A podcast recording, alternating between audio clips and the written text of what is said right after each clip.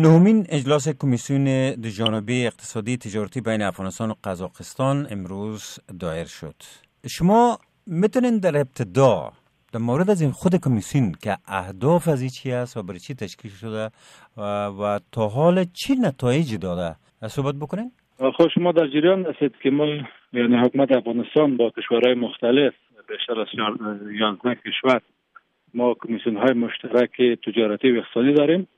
و قسمی که از نامش هوایدا و مشخص از هدفش است که ما در قسمت تقویت روابط تجارتی با کشورهای منطقه یک نتیجه مثبت داشته باشیم و قزاقستان هم شما می‌فهمید که در قسمت تجارت و توسعه تاثیرگذار است.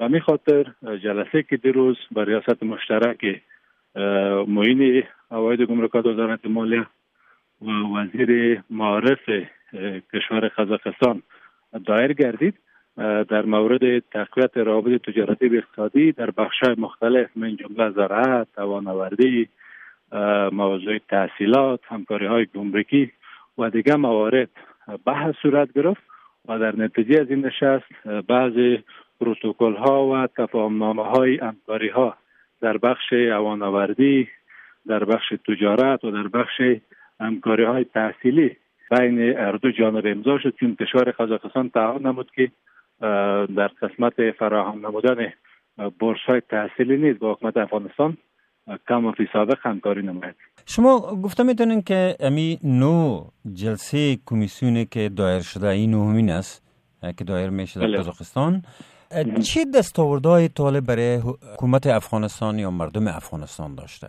خوشبختانه نشست های قبلی که ما داشتیم نتایج خوبی داشته همین همکاری ها منفیت از کمیسیون ها تنها برای افغانستان نصیب برای دو جانب است. یعنی اگر سکتور خصوصی ما در کشور مقابل یعنی قزاقستان مواردی داشتن باشه بسیار با آسانی از طریق از کمیسیون ها حل میشه و ضمن در این نشست دیروز بحث یک بحث دیگر در قسمت تشویق سرمایه‌گذاری در افغانستان نیست صورت گرفت که تجار کشور قزاقستان در افغانستان که ما در بخش مختلف امکانات یا اپورتونیتی سرمایه گذاری داریم. اونا تشویق شدن بر از از امکانات و تحصیلاتی که ما در این روند داریم بحث صورت گرفت و در این نشست باز خوشبختانه نماینده ها از سکتورهای مختلف حضور داشتند تا بحث های تکنیکی داشته باشند.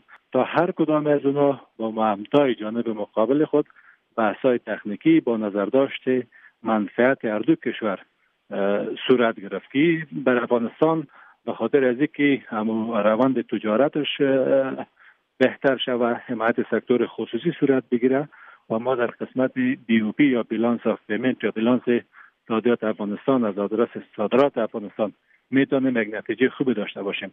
اما از نو جلسه گذشته چی چیزی مشخص و دستاورد عملی دارین؟ دستاورد عملی همی است که در سکتور اینا در قسمت سکتور تحصیلات افغانستان همکاری نمودن یک می‌تونین مشخصتر بگوین چی همکاری کردن؟ پول دادن مکتب ساختن؟ معنیش همی است معنی همکاری همی است که برای محصل ما اونا بورسه تحصیلی میتن و محصلین ما به کشور از اونا میره تحصیل می‌کنه با سند تحصیلی خود دوباره به افغانستان میاد برای مردم افغانستان خدمت می‌کنه. یک. دوم همکاری های گمرکی که ما میگیم با تفصیل و توضیح از این است که اگر روند تجارت ما با قزاقستان داریم از آدرس گمرکات اون از تجارب از اون استفاده شده در خدمت سیستم سازی و دیگه مواردی که اونا دارن یا سکتور خصوصی ما که در قسمت صادرات و طرف قزاقستان اونا پروگرام و برنامه داره باز از آدرس از امی کمیسیون ها بسیار به یک طریقه آسان ما می‌تونیم سکتور خصوصی خود کمک کنیم. در این مذاکرات در مورد مبارزه با فساد هم صحبت شده. افغانستان در جمله کشورهایی است که در بالاترین سطح فساد اداری قرار داره. چطور شما می‌تونین به صورت درست مدیریت بکنین در حالی که فساد عامگیر در افغانستان امیال امیلازه هست وجود داره؟ باز اقداماتی که ما در افغانستان کردیم باعث ازی شده که اواید ملی افغانستان هم بلند بره.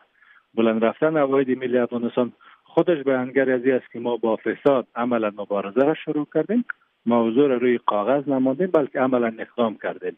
و دوم موجه که باز ما اشاره کردیم که همکاری های گمرکی این خودش موضوعی است که ما با در قسمت شفافیت و اصلاحات بیشتر در منابع ذاتی افغانستان هم از همچون تجارب و همچون نشست استفاده می‌کنیم. مبارزه با فساد در دو سال گذشته صورت گرفته. اواید ما که امروز به 165 میلیارد افغانی در سال 1395 رسیده. در حالی که در سال 1393 99 میلیارد بود قبل از نظام فیلی که خودش بیانگری از است 66 میلیارد افغانی تفاوت با نظام قبلی. خودش بیانگری از است که ما با فساد مبارزه را شروع کردیم کار کردیم و دیدگاه تلاش ما است که موجودیت فساد در افغانستان به صفر تقرار کنید. تعهد ما تنها با جامعه جهانی نه بلکه با ملت افغانستان است.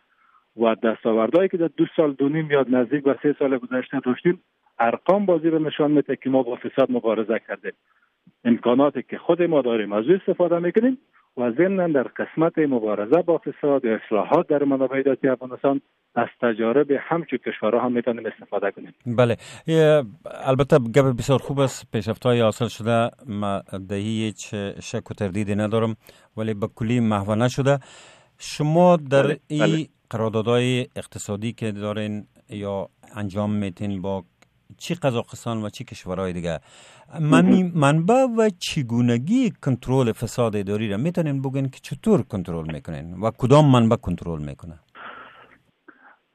در مجموع به هر اندازه که ما سیستم سازی کنیم در مجموع چی منابع داتی افغانستان باشه یا چی ادارات دیگر افغانستان باشه سیستم سازی خودش ما را کمک می‌کنه که جلای فساد بگیریم. یک دوم به هر اندازه که از کدرها و ظرفیت های مجرب و متخصص و متحد استفاده کنیم به ما اندازه ما را میتون در, در, در فساد در مبارزه با فساد کمک کنه. یک مثال براتان می‌گیرم که در طول دو سال گذشته ما بهترین وسیله فساد امیر دانستیم که از یک سو در منابع ذاتی افغانستان اصلاحات بیشتر ایجاد کنیم سیستم سازی کنیم مثل سیستم اسیکودا و سیکتاس و ای پیمن که در گمرکات و منابع ذاتی افغانستان فعال شده. این خود شفافیت هم ایجاد می‌کنه تسهیلات هم برای تجار ملی ایجاد می‌کنه و جلای فساد هم گرفته میشه.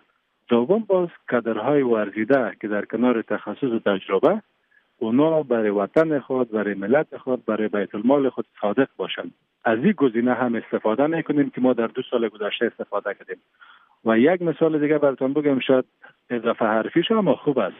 بلند رفتن عواید ملی در دو سال گذشته سه دلیل داشته که اصلاحات در منابع ذاتی افغانستان فعال نمودن سیستم های اصلی و کمپیوتری و سوم اساسی دلیلش استخدام افراد مجرب و متخصص و متحد. این از جمله عوامل است که ما را در فساد در مبارزه با فساد کمک کرده. اما هیچ ما ادعا نمی‌کنیم که گویا موجودیت فساد به صفر تقرب کرده. هنوز هم وجود داره ولی مبارزه ما با موجودیت و خاطر جریان داره. اگر دو نیم سال سفر گذشته یا سه سال خودم مقایسه کنیم باز با جرأت. و برخام گفته می‌تونیم که ما به طرف سمت خوب روان هستیم. و همچنین کاری را ما تنها با قزاقستان نداریم با دیگر کشورها هم داریم با ترکمنستان و با دیگر کشورهای منطقه.